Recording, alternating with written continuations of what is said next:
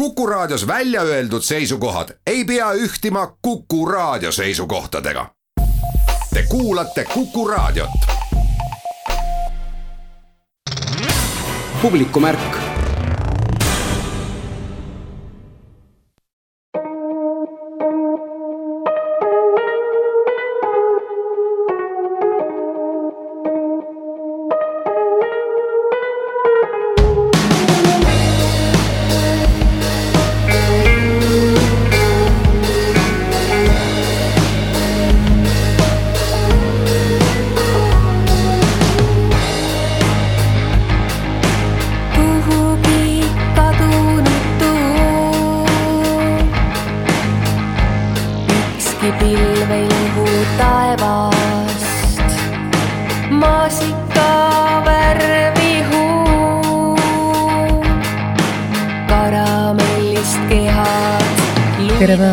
raadiokuulajad! Kuku raadio eetris on saade Publiku märk ja stuudios on Liis Seljamaa.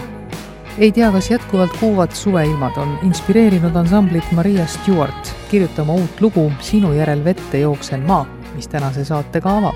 sama kuum on ka suveteatrite hooaeg ning esietendusi on ees ootamas hulgaliselt tänases saates tuleb juttu mitmest juba publiku ette jõudnud lavastusest Jäneda Pullitalli teatris esietendunud Naine salamandri tähtkujust räägib Jäneda viimase mõisa proua lugu. näha saab seda lugu kuni kahekümne seitsmenda juulini. Ari Tubin on valmis saanud raamatu Ma lihtsalt olin kohal. tegemist on ilusa sissevaatega Eesti muusika ellu peamiselt tuhande üheksasaja seitsmekümnendatel ja kaheksakümnendatel aastatel. tänavu suvel täieneb taas suvelavastuste etendamise kaart Jaani Hanso Siidri talus võib vaadata Ingmar Bergmani loodud näidendit Stseenid ühest abielust. Ohtu mõisas esietendus mööduval nädalal Indrek Hargla sulest valminud maagilisim suvelavastus pealkirjaga Nõid. see näidend valmis Ajateatris. Indrek Hargla räägib tänases saates pisut laiemalt oma dramaturgi tööst ja loomingulistest väljakutsetest. saate kõige esimene intervjuu aga toob meid taas Jäneda viimase mõisaproua juurde, sest just see persoon on inspireerinud ka lavastust Läbi kõigi elude ma otsin sind.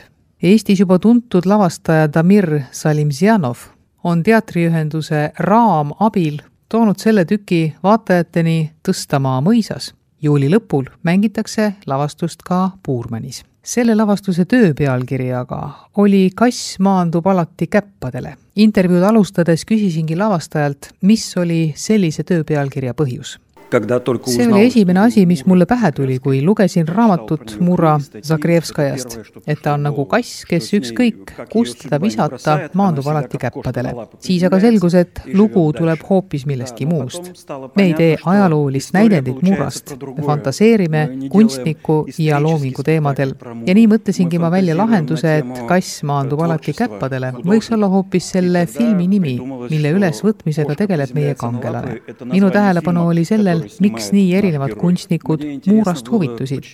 Ja kui ma lugesin, et aga Frenja Zagrebskaja inspireeris Puškinit. kõik teadjad räägivad küll, et see on ühe teise Zagrebskaja lugu, aga minu fantaasia hakkas juba tööle, et see on üks ja sama muusa, kes otsib oma kunstnikku. Ja lugu tuligi välja sellest.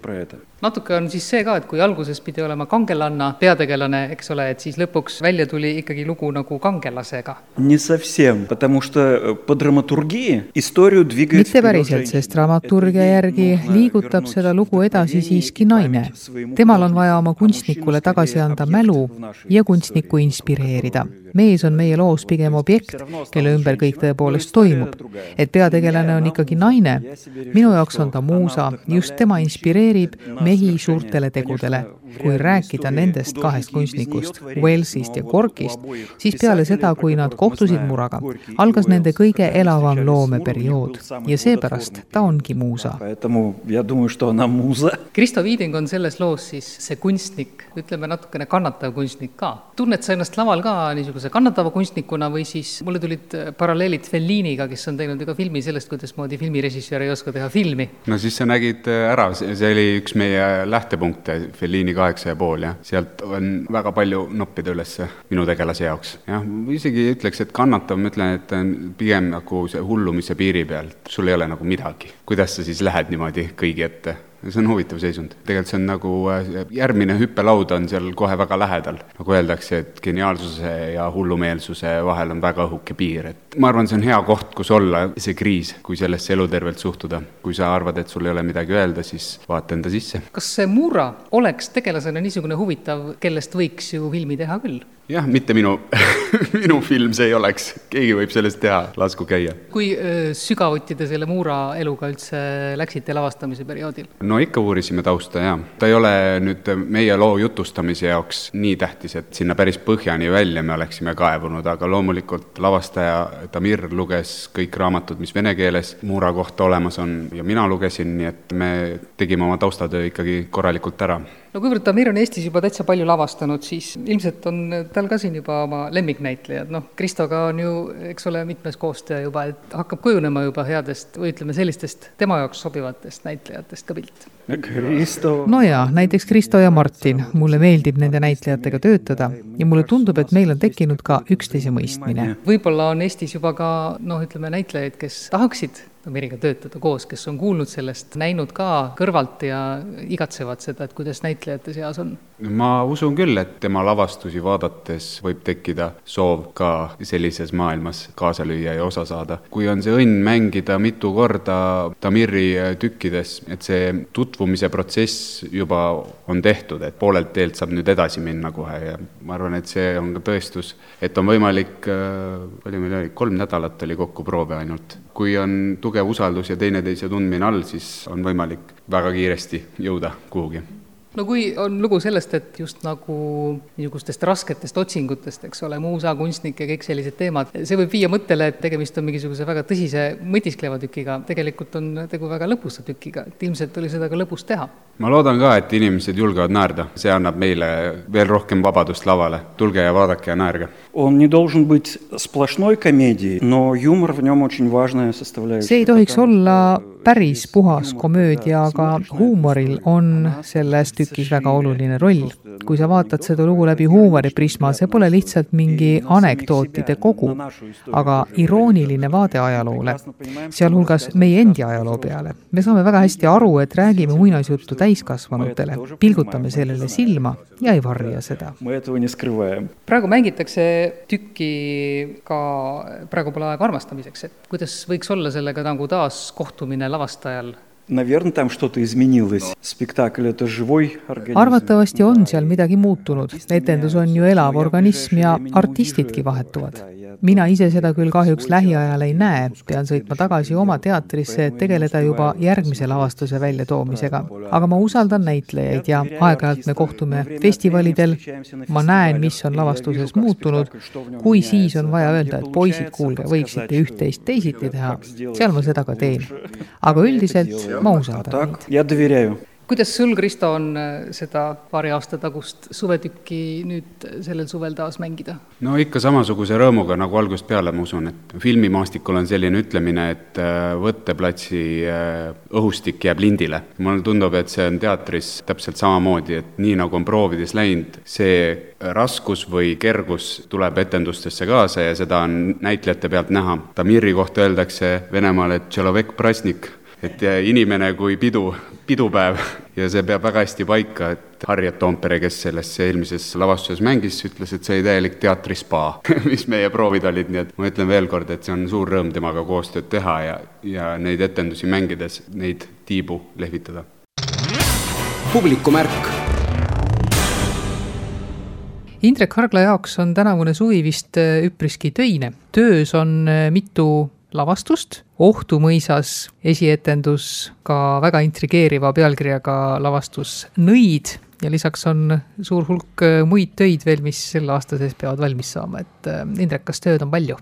No mis puutub siin paari sellesse suvelavastusse, siis see töö on tehtud ära juba siin aasta-paar tagasi, et suvel ikka eestlane sellist vaimutööd ei tee, et suvel tuleb ennast tappa rohkem füüsilise tööga. talvel on see mõtlemine ja kirjutamine. näitemängude puhul suurem osa kirjaniku tööst jah, see on juba ammuilma ära tehtud, et praegu nüüd teised peavad vaeva nägema selle, selle asjaga, mida mina olen seal kokku vehkinud no algupärase dramaturgiaga on ju see värk, et ega dramaturgia tegelikult on nagu valmis siis, kui ta on ikkagi lava peal järgi katsutud, et see, mis sa seal kabinetis ise oma peaga välja mõtled, et see ei pruugi alati niimoodi lava peal teostada, et paberi peal tunduvad asjad ikka lihtsamad. tihtipeale jah, lugemisproovide käigus tahad teha mõned korrektuurid ja asja nagu paremaks teha ja, ja näitlejad leiavad ise ka ju paremaid käike tihti, kui kirjas on siin näiteks, mis tuleb, see nõid, jah, selle ma kirjutasin talvel, kui Anne küsis näitemängu, ma käisin tähendab läinud aastal vaatamas Ohtus, et mis koht see on ja siis hakkasin mõtlema, et mida seal teha võiks ja tundus, et veski on üks hästi lahe asi,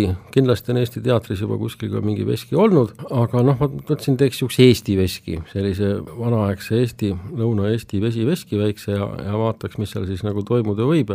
ja ajastu. jaa, no vot ajastuga ongi nüüd selline huvitav asi, et kuna seda teeb Ajateater, siis ma jäin mõtlema, et aeg võiks olla selles näitemängus nagu väga tähtsal kohal. kui ulmekirjaniku käest küsida midagi sellist, mis on seotud nagu ajaga või mingit näitemängu, esiteks noh, ulmekirjanik ei taha üldse seda päris teatrit kirjutada, et ikka tahaks mingit sellist ulmet ju ka sisse panna, sest noh, teatris on võimalik kõike teha ja väga lihtsalt. teatris on absoluutselt kõike võimalik teha. ma tahtsin jah, siis midagi teha sellist, et see aeg oleks selles näitemängus nagu üks tegelastest või see aja voolamine ja aja tajumine ja ajaga mängimine võib-olla natuke natukene ja et noh, ta hakkab peale kusagil seal kolmekümnendate aastate lõpus see tükk, aga kuidas ta edasi läheb, seda ei tahaks nagu praegu välja öelda. aga noh, et see ajateater on seal jah, mõnes mõttes nagu märksõna. ma tahtsin teha sinna midagi niisugust, mingit Eesti asja ja midagi, mis toimuks maal ja mitte tänapäeval. ma tahan niimoodi, et kui inimene läheb teatrisse, siis ta nagu astubki nagu teise keskkonda, et mitte, et see dekoratsioon peaks olema seal noh, nii nagu lastelavastuses on suur kolmemeetrine papislass, eks ole, aga et noh, et ta tajub nagu, et see keskkond kuidagi nagu mõjutab teda muidugi me peame arvestama, et see näitemäng toimub tegelaste jaoks seal kolmekümnendates, kui nõid tähendas midagi muud, kui ta tänapäeval tähendab, et noh, tänapäeval nõid on legaalne professioon, kes annab kokaraamatuid ja esineb äh, televiisoris ja seitsmekümnendatel, kaheksakümnendatel nõid oli ka midagi muud veel, et siis ta oli lasteraamatutes ja muinasjuttudes, aga ja kolmekümnendatel ta oli kah noh, ütleme külades, maal. Võib-olla oli keegi selline, kes seal natuke midagi tegi, aga, aga ikkagi ta ei olnud noh, avalikult sellist elukutset nagu nõid ei olnud, nii nagu tänapäeval on. ei olnud silti väljas ukse peal, et siin ja, ja, elab no, nõid. et noh, tänapäeval me oleme nüüd jõudnud sinnamaani, et see nõidumine on noh, normaalne üks niisugune inim- äritegevuse ettevõtluse ala ja aga tol ajal oli see natuke teistmoodi. Kui seda nõiaelu meil nagu uurida, siis me näeme, et see mingisugune nõidumisse uskumine on, on eestlastega vist päris pikalt kaasas käinud, kõrvuti muude uskudega ja noh, ütleme, et selles külakeskkonnas oli lihtsalt tarvis mingisugust, tänapäeval on olemas igasugused eneseabid ja tol ajal noh, neid teenuseid nii palju ei olnud, aga noh, nõia käest sai igasuguste asjade vastu abi, nõid teadis sõnu ja eestlane on sõna ka uskunud hästi kaua. meil on iga asja peale on olemas sõnad, varbavalu ja igasuguste haiguste ja loomade ja, ja tulekahjude ja vihmade poolt, et vihma ära lõpetada, et vihma välja kutsuda, kõige vastu on olemas meil rahvamütoloogias, me leiame, on, on sõnad ja nõiad teadsid neid sõnu, nii et nad olidki sellised omalaadsed universaalsed teenusekeskused, aitasid kadunud asju üles otsida näiteks ja mis on selles ohtu näitemängus üks väga tähtsal kohal, aga ei noh, tegelikult on see muidugi jah, ega see lugu ei ole niivõrd nõidumisest, kuivõrd inimeste tunnetest ja käitumisest, ta peaks olema huvitav, tähendab, ma olen elus näinud kahjuks nii palju igavat teatrit, et ma ükskord lubasin endale, et ma ei kirjuta mitte ühtegi igavat näitemängu, ausõna, ja sellest ma olen nagu üritanud kinni pidada, et enda meelest mitte ühtegi niisugust igavat ma ei ole nagu kirjutanud. kas seda näitemängude kirjutamist on nüüd viimastel aastatel olnud rohkem, kui noh, ütleme varem oli? see on täpselt nii, kuidas nagu võimalusi või pakkumisi või küsimusi on, et ega teatriga on Eestis nagu kõikide muude asjadega, et kõik käib tutvuste kaudu, et kui keegi nagu küsib mingit näitemängu, siis ma hakatuseks muidugi esimese hooga kohe luban, siis kahe kuu pärast ütlen, kuule, ma vist ei jõua mitte kuidagi, ei ole ühtegi mõtet pähe tulnud ja siis kolme-nelja kuu pärast hakkan kiiruga kirjutama ja heal juhul saab midagi valmis. kokku vist see aasta, see kakskümmend kakskümmend üks, peaks tulema mingi erinevas vormis neid arglenäitemänge kokku kuus tükki lavale ja vist viimane tuleb novembris kuskil. kolm tükki jah, on on suvetükid, kuigi ma ei ole selle suveteatri ise väga suur suveteatri pooldaja, et teater peaks toimuma ikkagi sellises hämaras, kinnises ja vaikses ruumis. aga noh, olude sunnil tuleb ka siis, see aasta eriti tuleb siis nagu selle suveteatriga asju ajada. kaks selle aasta teatritükki said, said nüüd valmis, mis peaks tulema siis augusti lõpus, see Valge daami lugu Haapsalus mida Margo Teder lavastab. Ja siis olenevalt, kuidas asjad kulgevad, et siis sügise poole jõulupaiku. Kellerteatris üks selline jõuluteemaline täiskasvanutele mõeldud näitemäng, selline salonglik, kammerlik jõuludraama. No Kellerteater saab uhkustada ka sellega, et see aasta lõpus tulev tükk ei ole ka esimene Indrek Hargla tükk, mis seal välja on tulnud nojah, ütleme, kui ta tuleb, et aga jah, sellega ma siin tegelesin hiljuti. ja, ja muud kirjatööd on praegu nii pooleli, et nendest ei ole veel paslik rääkida väga. kas on tegemist mingite täiesti uute asjadega või siis tuleb mõni apteeker Melchior näiteks või veel mõni sarjategelane? Ja ei no kindlasti tulevad jah, et ja noh, sarju peab ju edasi kirjutama, et iga sarjaraamat on selles mõttes raskem, et sa oled juba nii palju asju selles sarjas ära teinud, et sul on vaja kogu aeg midagi uut sinna leida, et see uue leidmine lihtsalt võtab aega, aga aga kuidagi on juhtunud jah, et siin viimane aasta ma olen peamiselt näitemängudega tegelenud ja no see ei ole mitte sugugi halb ju. Ja siia juurde alati võib-olla tuleb lisada ka, et ega neid Eesti lugusid mitte keegi teine ei hakka mängima ega kirjutama kunagi, need tuleb meil endal teha ei hakka, ei hakka, seda, seda ei pea kartma jah, et kas sellise tempo juures jääb ikkagi nagu suvel puhkamiseks ka aega või? ei, kes see siis puhkab suvel? et tulebki füüsilist ikka teha? jaa, jumal, mis puhkab, talvel puhkad ja, ja siis, kui on seenel ära käidud kusagil seal oktoobri algus, siis võid mõelda natuke puhkuse peale, aga, aga kuni selle ajani ei ole mingit puhkamist. kas selle füüsilise töö ajal loominguline mõte ka lendab? ikka, kirjanik kirjutab jah, kogu aeg, sa mõtled kogu aeg mingeid asju ja paned mingisuguseid situatsioone lausetesse, kui sellest saab huvitavalt kirjutada, siis see on nagu väärt kirjutamist ja asjad, millele sa ei leia mingit huvitavat sõnalist lahendust, need ei ole väärt kirja panemist, et see mõte nagu kogu aeg töötab, et käid kuskil ringi, mõtled, kuidas sa seda kirjeldad näiteks, kas sa saad selle pealt mingi võrdluse leida, mingisuguse iroonia lahenduse mingisugusele situatsioonile, mida sa siin tänaval näed kuskil või kui leiad, siis on hea, siis on sul nagu üks mingisugune asi juures, mida sa saad kuskil kasutada, aga see on jah, see kirjaniku elu ja töö niisugune nuhtlus, et kogu aeg pea rehkendab midagi. Publikumärk Jaani Hanso Siidritalus jõuab Ingmar Bergmanni kirjutatud stseenid ühest abielust lavale kahe lavastaja käe all. kunstnik lavastaja on Kristjan Suits ja dramaturg lavastaja on Mehis Pihla. kuidas Bergmanni nii-öelda sellele lavale sobilikuks seadmine käis?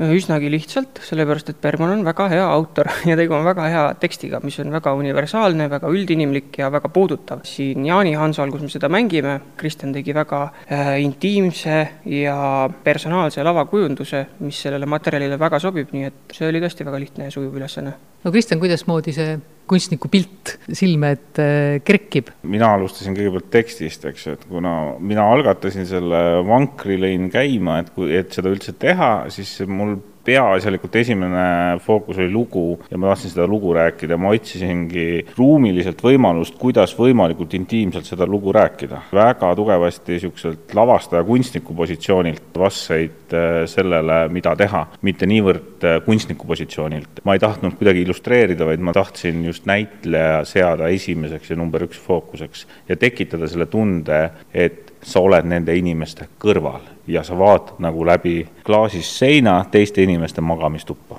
noh, nii nagu ma arvan, ka Bergman seda mõelnud on. jaa, täpselt, et Bergmani idee ja kogu see olustik, mis seal tekstis on, et seda me üritamegi võimalikult võib-olla Bergmanilikult siia lavale tuua kas see Jaani Hanso oli ka kohe toimumispaik? jaa, sest see oli kuidagi, kõik need on niisugused väiksed juhused, kuidas me siia jõudsime üldse ja, ja kuna tegelikult siin oli nagu kaks projekti, millest sai üks, eks ju, et meil näitlejad soovisid ise seda teha ja mina soovisin eraldi seda teha ja siis kuidagi me saime kõik need kokku ja said kohad kokku, inimesed kokku ja kõik, kes tahtsid seda teha et näitlejad on siis Evelin Võigemast, Märt Avandi ja Kersti Heinloo. ma küsin siis, kuidas Mehis lisandus? Kristjan kutsus, väga lihtne et me oleme Kristjaniga päris palju koos teinud ja millegipärast just niisuguseid Skandinaavia materjale, et me oleme teinud Ibsenit ja tegime seda kaasaegset Nukumaja teist osa ja nüüd see oli mõnes mõttes meie ühise koostöö ka loomulik jätk. no kuna siin on ka õuelava, ehk võiks ju ka õues mängida, kas see oli üldse kaalumisel, et teha sees või õues või see ei ole nagu see lugu, eks ju, seda lugu, mida sa teed massidele suures saalis suurelt, eks ju, nii nagu Draamateatris ta omal hetk-, ajal oli, et tegelikult Bergmani Tseenid ühest abielust ei ole Eesti teatris üldse väga palju tehtud, kolm korda või? ta legend on suurem kui see, kui palju teda tegelikult tehtud on, jah. ja viimane kord vist oli üle kümne aasta tagasi, kui seda tehti, et tegelikult seda materjali on minu arvates nagu häbiväärselt vähe tehtud, sest ta annab nii palju näitlejale ja, ja annab ka kunstnikule ja annab ka dramaturgile, annab ka lavastajale nii palju seda muukimist sellest materjalist, et aga ta vajab väga intiimset ja väga lähedast keskkonda, et meil on publik kahel pool ja meil on ainult viis rida mõlemal pool, ehk siis tegelikult sa näed maksimumnäitlejat kuue meetri kauguselt. Seda, et seda kuskil suurelt teha, see nagu ei olnud üldse kaalumisel teda on tõesti vähe tehtud ja, ja tegu on ju nii nagu tüvitekstiga, et kui hakata vaatama, et kes on kõik temast mõjutatud, pooled Woody Alleni filmid on Bergmanilikud ja see stseenid ühest abielust on seal üks selline tõesti üks nagu nurgakivisid, millele ta on toetunud nii Annie Halli ja kõige muu puhul, et selles mõttes ikka ja jälle jõutakse Bergmani juurde tagasi ja sellel on tõesti väga suur põhjus, ta lihtsalt kirjutab hästi aga need näitlejad siis, Evelin Võigemast ja Märt Avandi, nad ise on öelnud, äh, neile see omavaheline partnerlus küll meeldib, et see, mis nad varem on teinud, et see neile nagu hästi sobib. no jaa, et selles mõttes äh, väga tore on teha tükki, mida näitlejad ise tahtsid teha, millegipärast Eesti teatris on niimoodi, et näitlejad ise pakuvad väga vähe, mis materjali nad tahaksid mängida. aga selle puhul nad ise ütlesid, nemad tahavad seda teha, väga mängida. ja mis nii viga proovi teha, kui sul on kaks väga-väga motiveeritud inimest, kes tahavad koos mängida ja just seda materjali, nii et äh, lausa lust jah, ja kaks väga, väga väga-väga head näitlejat jah, et see motiveeritusaste, et kuna noh, ma võtsin selle tüki niimoodi, et kuna ma Eveliniga eelmine aasta tegin, et siis minu jaoks oli see loogiline nagu mingisugune järg, kuigi ma arvasin, et ma ei, nagu selles positsioonis ei taha elus kunagi olla. aga noh, juhuse kombel ma olen jälle samas positsioonis seal laua taga, et need kaks asja meil on ka kuidagi väga tihedasti Eveliniga seotud. ja tõesti, kui sul kaks näitlejat ütlevad, et nad muidu laval kokku ei saa, kuna nad töötavad erinevates teatrites ja siis suvi annab selle võimaluse erinevatel näitlejatel kohtuda, et see on minu arvates väga tänuväärne, et nad nad saavad nagu uusi partnereid ja, ja mõnes mõttes ka värskust endasse. ja neil on nii tugev elukogemus, mis nagu on väga tähtis niisuguste materjalide tegemiseks, et näitleja enda elukogemus annab niivõrd palju juurde aga kuidas te lavastajatena tunnete, et olete teie lavastamiseks, selle tüki lavastamiseks õiges eas? See on nüüd hea keeruline küsimus, õnneks on endal kõigepealt teatav elukogemus äh, olemas, et olen ka mina abielus olen neid asju selles mõttes kogenud ühte ja teistpidi, et see, ma ütlen, see Bergmani tekst on selles mõttes ikkagi nii universaalne, nii inimlikult äratuntav, no mõnes mõttes need probleemid või küsimused, need esinevad igas abielus. Need ongi stseenid ühest abielust, see on üks abielu, see ei ole kuidagi erakordne abielu, see on lihtsalt üks abielu ja tõesti on universaalne. ma arvan ka, et tegelikult me oleme nagu mõnes mõttes õiges eas, meil on piisav elukogemus juba ja meil ei ole veel liialt palju kibestumust mingites asjades. ja teisest küljest, mis on huvitav nagu mehisega koos töötada ja niimoodi, et sul ei ole nagu seda lavastaja positsiooni reaalselt, et keegi, kes on üksinda, peab vastutama, on see, et me kumbki ei ürita ennast nagu lavastajatena nagu nähtavaks teha, vaid meie peamine eesmärk on toetada lugu ja toetada näitlejat ja tuua esile just see materjal ja see on nagu minu arvates väga äge just selle protsessi juures. Kas see Jaani Hanso mängib siin omamoodi kaasa ka? kindlasti ta tekitab nagu lisaatmosfääri juba see, et sa sõidad linnast välja, sa ei lähe teatrimajja, sa astud suvalisest uksest sisse ja ühtäkki oled kellegi teise inimese magamistoas, sa lähed vahel äh, oma kallimaga ja, ja võtad pokaali ülihead siidrit, et see kõik nagu annab sellele loole lisaväärtust kindlasti. See on mingi kummaline asi ka, et Bergman ju kirjutas selle seitsmekümnendatel ja eks see Siidri talu koht annab selle tunde, et me oleme ka jõudnud sellele teatavale heaolu tasemele mis Bergmanil seal Rootsis juba oli, et selles mõttes ta hakkab kaasa mängima kindlasti ja väga õiges võtmes minu meelest. seda öeldakse ka, et kui inimestel elu läheb liiga heaks, et siis hakkavadki väga niisugused imelikud probleemid tekkima. niivõrd-kuivõrd eh, imelikud, et aga see on, see on tõsi, et me oleme nüüd, mulle tundub, nagu Eesti ühiskonnaga jõudnud sinna, kus Rootsi oli seal kuskil seitsmekümnendatel, et see on mõnes mõttes hämmastav, aga mõnes mõttes ka tore, lõpuks ja noh, samas ka noh, me ei saa ju vältida ka seda koroonakriisi teema, et ja kogu seda asja, mis tegelikult meid on nagu nende teemadega pannud üha rohkem tegelema. mina ja inimesed, praegusel hetkel mitte keegi ei taha tegeleda eriti poliitikaga, vaid inimesed tahavad tegeleda praegu inimeste omavaheliste suhetega, läheduse, pettumuse, sellega, kus me oleme, kes me oleme, mida me tegelikult tahame. kaks aastat niisugust järelmõtlemise aega võib-olla on nagu hea, et kui sa tuled seda tükki vaatama, vaatama, siis see on mõnes mõttes ka peegeldus sulle, et sa avastad sealt nii palju seda, et millega sa oled tegelenud viimase kahe aasta jooksul. see nüüd ühest abielust mõnes mõttes ka õpetab ja teiselt poolt lihtsalt näitab, kuidas üleüldse me peaksime või võiksime ja saaksime partneritena teineteisest aru, kuidas me üldse võiksime või peaksime teineteisega rääkima, kas see üldse on võimalik, kus on see aususe piir, mida üldse enda partnerile võib öelda, mida ei või öelda, mida on targem jätta ütlemata, need on tõesti sellised küsimused, millega me nüüd koroona kitsikuse tõttu nagu puutusime igapäevaselt äh, palju rohkem kokku noh, ma arvan ka, et see rattas jooksmine, mida me ennem nagu jooksme, jooksme, et me ei märganudki inimesi, kellega me koos elasime. mõnes mõttes nüüd me oskame seda vaba aega ja seda heaolu nautida ja noh, inimesed käivad niisugustes kohtades, nad veedavad aega üksteisega koos ja räägivad nendest teemadest rohkem. et see on nagu võib-olla see, et me ühiskonnana oleme natuke ikka teises kohas praeguseks hetkeks. publikumärk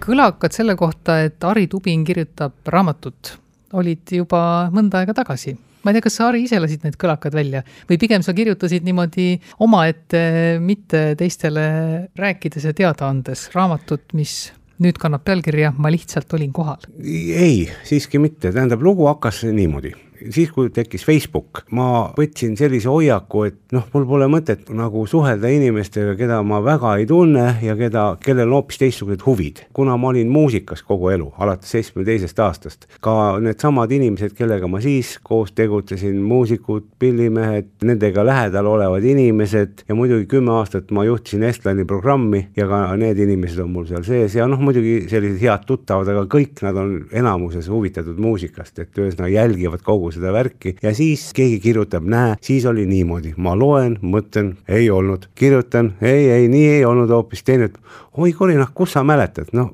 põhimõtteliselt jah, tänu sellele, et see Facebooki nagu niisugused kommentaarid hakkasid tulema muusikast ja siis tüübid hakkasid ütlema, kuule, kirjuta raamat. no minu niisugune stamm vastus oli, keda see huvitab, aga tähendab aasta tagasi ikka käidi mulle nii palju peale, et ma võtsin selle ette ja alustasin kirjutamist. Selle raamatuga saab noh, ütleme ära valgustatud äh, suur hulk Eesti muusika ajaloost, levimuusika ajaloost, rokkmuusika ajaloost, popmuusika ajaloost. Need aastakümned, mis äh, võib öelda, et võib-olla hakkavadki juba nagu vaikselt unustusse vajuma, need, kes ise sees olid, need veel mäletavad, aga eks nad juba ka ei ole enam kõige nooremad, ütleme nii. ja nii ta on jah, et ühesõnaga muidugi, mis oli hea, mul olid alles kõik, ma kookisin välja kõik oma kalendrid ja alates seitsmekümne teisest aastast vist vaatasin, mis toimus, ohoo, ja siis hakkas nagu meenuma, meenuma, kirjutasin kõige tähtsamatest üritustest, kõige tähtsamatest kontsertidest, kõige tähtsamad kohtumised. ma ütlen, see on kõik minu, läbi minu silmade, mis oli, keegi teine arvab võib-olla hoopis teistmoodi, aga need inimesed, kellega jah, ma siis nagu suhtlesin, see oli kõige kõrgem tipp eh, Eesti levi või siis rütmimuusikast või ütleme noh, kõik tuntud inimesed. ma lõin kokku kuskil kolmsada nime tuleb sealt ühesõnaga välja sa tegelesidki bändidele kontsertide organiseerimisega, mingi hetk oli sul üks klubi, mida sa seal vedasid, kus toimusid õhtuti peod ja nii edasi? Jah, järk-järgult kõik niimoodi toimus, et ühesõnaga see aeg oli ju tegelikult noh, lääne poole kalduv muusika oli, ütleme, mitte keelatud, aga ta oli niivõrd palju takistatud, kuivõrd seda üldse sai takistada. kõikide käskude, keeldude ja ülevaatuste ja ülekuulamiste ja lubade andmisega. E-, ega see ei ole nii, et ühesõnaga tahan teha kontserti ja lähen kohe teen, siis oli vaja terve paberimajandus, et kõik pitsatid ja allkirjad, kõik oleks all. ma pidin otsima mingit organisatsiooni, kelle kaudu kõiki neid asju teha. osa on, ütleme tagantjärgi päris naljakad, aga kui nende selja taga midagi sai korraldada, siis ühesõnaga keegi ei tulnud nagu igaks juhuks oma näppe ajama sinna külge, et noh, kuule, komsomol korraldab, ju seal on siis nii kõvad vennad, et kontrollivad seda asja, aga no mitte keegi ei kontrollinud. me saime ikkagi nii peenelt läbi. Kui ausalt sa selle raamatu kirjutasid, selles mõttes, et eks rokkarite elus toimub ju igasuguseid asju ja noh, mingi osa sellest ei kannata võib-olla trükipaberit. tähendab, sa väga leebelt räägid, väga suur osa ei kannata ma kirjutasin selle loo ausalt, aga no minu jaoks on inetu ühesõnaga kirjutada teistest. et vaat, mis tegi. ja vaata, mis tegi ja tähendab, ma kirjutasin sellest, mis ma ise tegin. Heino Maripuu, kes tänu temale kogu see asi hakkaski ja tema käis mulle peale ja tema seda asja kontrollis ja parandas ja tema süsteemide järgi nagu siis paigutas kõik pildid ja värgid ja teksti ja ma kogu aeg küsisin ta käest, et e ega ma ei eputa. Ta ütles ei, ei, kõik on nagu normaalne, sest noh, praegu tähendab niimoodi üritusi ei tehta. siis oli niimoodi, et ühesõnaga ise läksid, firma oli taga paberid, korraldasid, rääkisid, muretsesid aparatuuri, piletid, ansamblid, kõik kogu asja, reklaami, kõik asjad tegid ära ja lõpuks siis oli nagu, oli siis nagu üritus, neli tuhat inimest saalis, neli kontserti iga päev. Ja siis, kui, kui sa ütled, mina korraldasin, siis tekib niisugune tunne, et kurat, nahk, äkki on liiga palju, et, et ühesõnaga keegi ei usu seda, sest praegu ühesõnaga võetakse kokku mingi, tuleb seal kakskümmend inimest, kes mille eest vastutab, sina tuled paremalt, vasakult, mikrid on sul sealpool vasakul, sa võtad nüüd ära, teed seda, see tegeleb aparatuuriga, tuhat inimest ühesõnaga niimoodi jutumärkides tegelevad asjaga ja lõppkokkuvõttes kindlasti paljudel kordadel polegi päris viga, aga meil käis asi palju lihtsamalt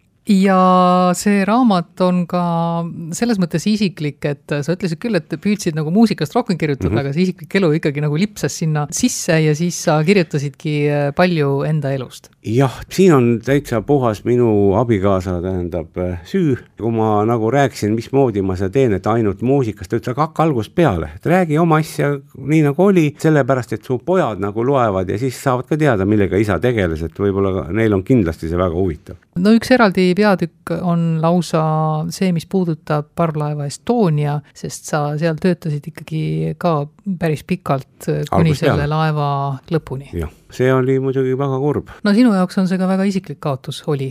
oli, väga isiklik ja nii nagu ma seal kirjutasin, aasta nutsin ja kolm aastat lausa oli suur kannatus, aga pärast läks üle, aeg parandab kõik haavad. aga ometigi see on selles mõttes ka oluline peatükk, et valgustada seda, kuidasmoodi käib äh, selliste meelelahutusprogrammide korraldamine laeva peal, sest ütleme noh, laias laastus ta käib täna samamoodi ei, käi, siis oli täiesti teisiti. siis täiesti teistmoodi, siis oli niimoodi, ühesõnaga ühel päeval helistas mulle rootslane, ütles, tema on see Scandinavian Music Corporationi ühesõnaga juht ja minu ta siis valis välja, õpetas välja, küsis ka, kus sa töötanud oled ennem. ma ütlesin, no et muidugi Eestis ja siis viimased aastad Soomes. ta ütles, see nüüd unusta ära, Rootsi on hoopis midagi muud, milles ma veendusin väga, sest ühesõnaga Rootsi publik jagab matsu, soomlased mitte. Vahe on veel ka selles, et siis me tegime seda asja praktiliselt kahekesi, tema hoidis Rootsi poolt ja mina hoidsin Eesti poolt. Ja veel enne laevaõnnetust, tema muide hukkus ka seal laevaõnnetuses, ta veel ütles, et järgmisest aastast läheb teistmoodi, et sina hakkad olema boss ja mina hakkan sulle siis ütleme nagu eh, andma siis Rootsi nagu artiste ette, et kogu nagu juhtimine läheb Eesti poole pealt, sellepärast et siitpoolt on palju odavam seda asja teha mina arvan, et sellest perioodist, seitsmekümnendad, kaheksakümnendad Eesti meelelahutuses on liiga vähe raamatut kirjutatud. Olav Osolin kirjutas, Mikk Targo kirjutab ka juba mitu aastat, kõik teavad, et ta kirjutab, ootavad ja, ja nii edasi, nüüd tuli ja. sinu raamat välja, aga kus need ülejäänud siis kõik on? jah, ega vot ei oskagi öelda eks paljud ka mõtlevad nagu mina ennem, et ühesõnaga, keda see huvitab. aga Mikk ütles mulle, et ühesõnaga kogu aeg tulevad meelde uued asjad, mis vastab tõele. ütles, kui öösel näed unes midagi, kohe hüppa üles, telefon lahti ja räägi ära, sest hommikuks ei mäleta mitte midagi. täpselt nii ongi. ja nüüd, kui raamat on juba valmis, järjest tulevad meelde asjad. võib-olla nüüd äh, saab asi natukene hoogu sisse ka, kuna on see Eesti Muusika Kuulsuste Koda ja muuseum, kus ka oma väärika koha on võtnud siis levimuusika või rokkmuusika, et äh, äkki äkki nüüd saab sellele rohkem hoogu sisse ja ka sinu projekt on sellega seotud? jah, Risto Lehiste juhib seda asja ja, ja proovib kõikide vahenditega Tartus ühesõnaga nii kaugele jõuda, et me saaksime oma muuseumi, kusjuures pakuti lausa, Eesti Rahva Muuseum pakkus sealt taganurgas kõige viimast ühesõnaga ruumi, aga noh, sinna kuna keegi ei jõua, siis ikkagi otsustasime, et äkki vaatame mingit muud varianti, et, et ikkagi nii, et rahvas tuleks ja käiks ja edaspidi ta hakkab nii, mitte ainult nagu jutu tasemel ja raamatute tasemel, aga kõik muusika ja värgid ja kõik, mis mis on, kõike hakatakse nagu suurema õhinaga hoidma ja, ja säilitama ja igasuguseid muid projekte ja värke sellega seoses. sinu raamatuga on see asi ka niimoodi seotud, et sa poodi oma raamatut ei viigi? sellega on nüüd niimoodi, et me otsustasime nii, meie seda müüki üldse nagu avalikult ei pane, see käib interneti kaudu ja kuueteistkümne euro eest saab kakssada nelikümmend lehekülge ülevaadet siis, mis toimus seitsekümmend kaks kuni tänase päevani, ütleme aga põhiliselt eelmine sajand, ütleme levimuusikas ja bändimuusikas ja, ja rütmimuusikas ja, ja üldse nagu estraadimuusikas, kus ma siis olin tegev või ei olnud, tähtsamad üritused, asjad, sada seitsekümmend pilti on sees, ainult minu Facebooki lehel on kogu info, sealtkaudu käib siis ühesõnaga tellimine ja praktiliselt ongi niimoodi, et esimese kahe päevaga läks väga suur osa ära, mis kakssada viiskümmend eksemplari muide müüme. aga palju sellest kahesaja viiekümnest alles on veel? ütleme viiskümmend läheks veel, kusjuures tegin pitsati ja panen igasse raamatusse pitsati ja numbri, et igaüks saab nummerdatud raamatu need on ainult inimestel, keda ma tean, nimed on kirjas. aga seda mõtet ei ole, et no kui kohe otsa saavad, et siis võib ju veel trükkida? juhul, kui keegi tõesti kirjastaja leiab, et see on asja väärt, tahan trükkida veel juurde nii ja nii palju, okei okay,, ma olen nõus sellega, aga sellisel juhul see raha läheb ainult heategevuseks põhimõtteliselt võib, aga ikkagi on reaalne see, et ütleme, on raamatud need kakssada viiskümmend müügiks, osa lähevad kingituseks nendele inimestele, kellele ma olen tänu võlgu oma selle karjääri eest aga võib-olla kuna nüüd tuli ikka ühte ja teist veel meelde, et äkki võiks uue raamatu ka kirjutada? oi, tegelikult ega noh, kui sa hakkad kirjutama ja kui on nagu need sul ees need märkmikud, see on üks asi, aga teine asi, kui sa tänava peal kokku või näed telekas kedagi või kuuled raadiost, siis tuleb mõelda, aga me tegime seda ja me tegime seda. Ja siis mõtled, issand, tegelikult oleme ausad, ühe raamatu jagu on veel, aga muidugi praegu on see, et ei, ei, see on nagu minu meelest hea kokkuvõte kogu sellest ajast ja las ta olla nii, et ma arvan, et see on kõige parem variant, las ta jääda nii publikumärk. Jäneda Pulli Talli teatris esietendunud Naine salamandri tähtkujust proovib rääkida Jäneda viimase mõisaproua lugu. mõisaproua nimi on Maria Ignatjeva Zagrevskaja ja lühidalt tuntakse teda Mura nime all. selle lavastajaks on Madis Kalmet võib öelda, et päriselus oli Muura side jänedaga muidugi võrdlemisi põgus. jah, ta oli abielus mõisa omanikuga, aga palju ta siin tegelikult ise viibis? suhteliselt vähe, et võib-olla tõesti laias laastus paar-kolm aastat kokku, aga see nii-öelda, see tema tiitel jäneda viimane mõisaproua, see mõisaproua nagu ehk nii ei kehti, kehtivad muud tiitlid, kehtivad muud seosed temaga ja kõik muud legendid, mida ta oma elu jooksul on loonud jaa, aga ometigi on see alust andnud tuua see lugu välja ka siin ja tegelikult ka selles näitemängus Jäneda ikkagi käib nagu läbi mitu korda. jaa, Jäneda jaoks on see võimalus ehitada siia uuesti üles ühe salapärase, kummalise ja ka ma üt-, ütleks kohati arusaamatu naise elusaatus. et kuidas ta läbi pika elu väga keerulistest situatsioonidest välja tuli, et mis oli see tema fenomen.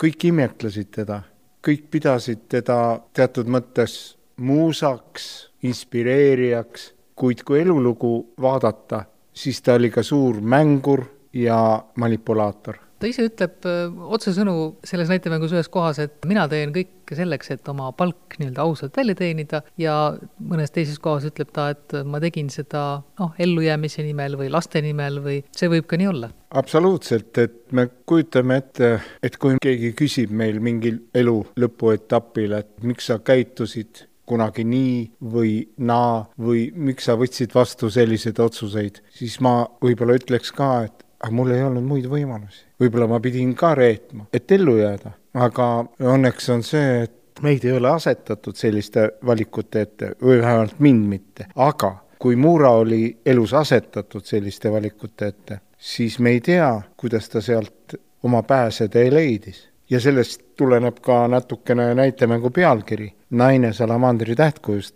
see on nagu meie poolt loodud uus tähtkuju, salamander, kes on siselikust kiskja, kes vahetab värvi, kes vahetab nahka, kes võib saba endast maha jätta, kui teda rünnatakse, tema puudutamine on mürgine ja ta on väga elujõuline. No kui me vaatame seda lugu sellise pilguga, et no ütleme, niisugune legend iseenesest annab juba väga hea aluse loo, hea loo jutustamiseks. Ja kui me liidame siia veel ütleme noh, ma ei tea, revolutsioonid, maailma Küsimus muutnud sündmused, sõjad, siis James Bondi, et siis on see väga hea materjal juba, et sellest saaks üks hea põnev näitemäng ta loob nagu tausta, aga Muura puhul on üks müstiline fenomen. kõik tema kaasaegsed või vähemalt no lähedasemad kaasaegsed kes on kirjutanud temast mingeid mälestusi või, või lausa raamatuid nagu Niina Berberova. Nad said aru mingil ajal hiljem, et ta kogu aeg valetas ja ta kogu aeg lõi endast legende ja ta armastas luua enda ümber müütilisi seoseid, jah tõesti, fakt on see, et ta on väga paljude tolle aja Euroopa poliitikute, silmapaistvate isikutega olnud väga lähedastes suhetes, lausa armusuhetes, aga midagi sellest me väga hästi tõestada ei suuda. ta ehitas legende ja hävitas hiljem kõik oma märkmed, päevikud, kirjad. kui teada oleks ka rohkem fakte, ega siis faktidel ei saa lasta head lugu ära rikkuda jah, teisalt, kui me näeme lugu kas või sellisena, nagu ta on tema eluloos ja need on siin selles näitemängus tõesed, siis me võime romantiliselt talle nagu kaasa elada, et ta on nii huvitav ja kummaline ja võluv isiksus. aga see, mida ta teeb, ei pruugi paljudele meeldida. ütleb, et ma olen aus ja tegelikult käitub ebaausalt ütleb, et ta on truu, aga käitub truudusetult. Kuidas seda naist nimetada, salamander? Ursula Ratase peategelasena, oli sul teisi kandidaate ka selle rolli peale ja kuidas töö on läinud? no üldse suvel näitlejaid leida on viimasel ajal tõesti hullumeelne peavalu, et näitlejad on nii hõivatud. aga õnneks leidus selline pärl nagu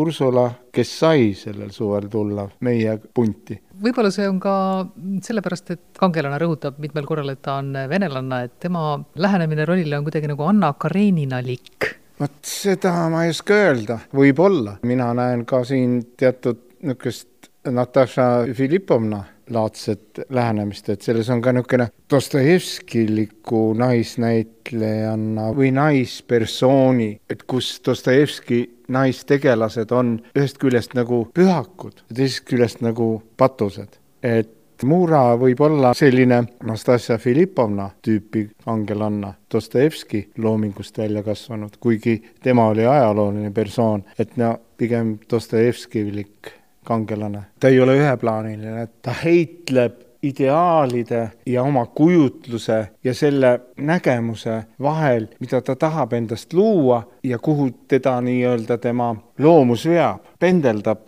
tahtmiste ja lootuste piiril tõdetakse ka selle lavastuse kavalehel, et Muura persoon on kuidagi nagu ajaloos varju jäänud, hoolimata sellest, et äh, nagu sa ütlesid, ka temast on kirjutatud raamatuid, on film ja sellel suvel on ta inspireerinud mitut äh, nii-öelda suvelavastuse sündi.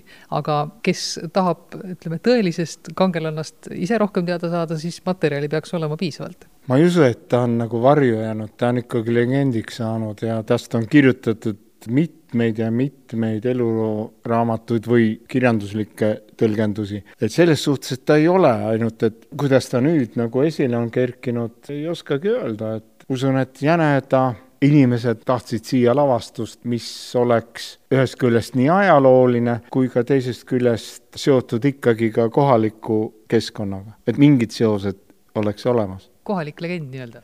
kohalik legend ka, et suurendada siis seda kohalikku legendi, et need, kes on kirjanduse armastajad, et need muidugi teavad Muurast, aga et võib-olla siin kohalik äh, naaberküla ena-, elanik ei oskagi arv-, aimata, kes on siit läbi lennanud.